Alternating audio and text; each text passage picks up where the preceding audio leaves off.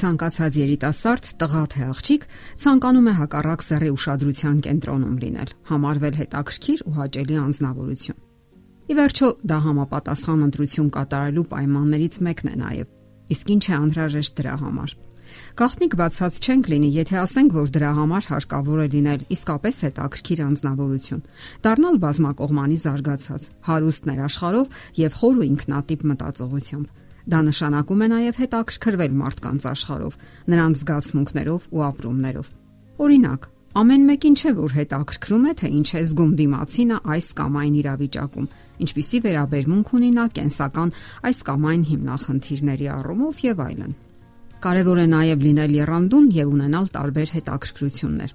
Պետք չէ պարփակվել ձեր մեջ, մասնակցեք երիտասարդական հավաքների, Ներկա գտնվեք այնպիսի դասընթացների կամ հավաքների, որտեղ ուսումնասիրում են աճի ու զարգացման վերաբերյալ թեմաներ, զրուցում են հոգևոր նյութերի շուրջ, սիրո մասին, փոխհարաբերությունների արվեստի եւ այլն։ Հնարավոր է դուք երկչոտ եք եւ ունեք բարթույթներ, դա բոլորովին էլ հիմնախնդիր չէ։ Պետք է սկսել ամենակչից եւ հասնել ամենաշատին։ Սկսեք շփումից։ Գտեք հետաքրքիր խմբեր եւ ընկերակցություններ Իմացեք նաև, որ բոլոր մարդիկ էլ լարվում են եւ դժվարություններ ունենում։ Դուք չեք տեսնում դա, չեք նկատում, սակայն նրանք հիանալի զգում են, թե որքան են լարվում։ Եվ այսպես, ընդհանրապես կարևոր է էներգիան ծախսել այնպիսի դրական գործունեության վրա, որը հոգեբանական եւ ֆիզիկական բավարարվածություն կպատճառի ձեզ։ Այն երևույթը, երբ դուք էներգիան ուղղորդում եք դեպի ստեղծագործական ոլորտ, գիտական կամ աշխատանքային, հոգեբանական գիտության մեջ կոչվում է սուբլիմացիա։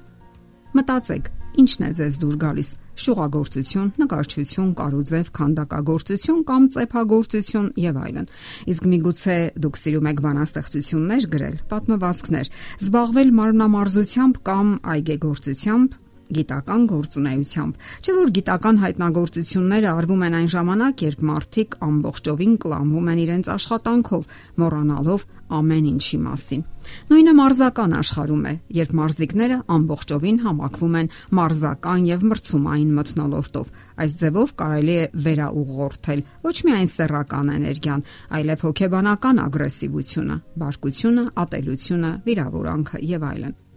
Նկատվել է, որ սիրելի մարդուց բաժանվելուց հետո, կորստից կամ հիասթափությունից հետո, parzapes ուժեղ ցնցումներից հետո կարող է տաղանդի հանկարծակի բռնկում դիտվել։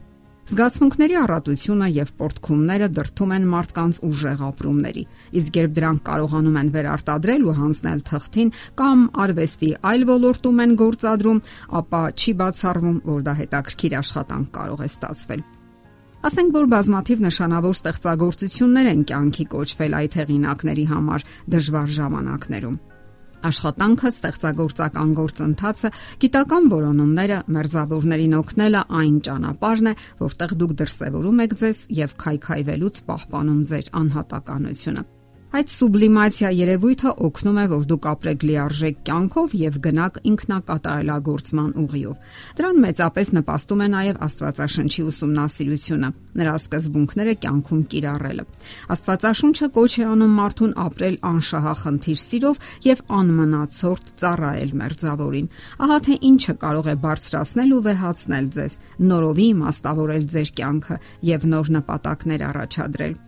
Ձգտեք խոր փորձառությունների եւ դուք բավարարվածություն կզգաք կյանքից, որովհետեւ մարդը հոգեվոր էակ է եւ նրա որոնումների մեջ առաջնային տեղ ունի Աստվածաճանաչությունը։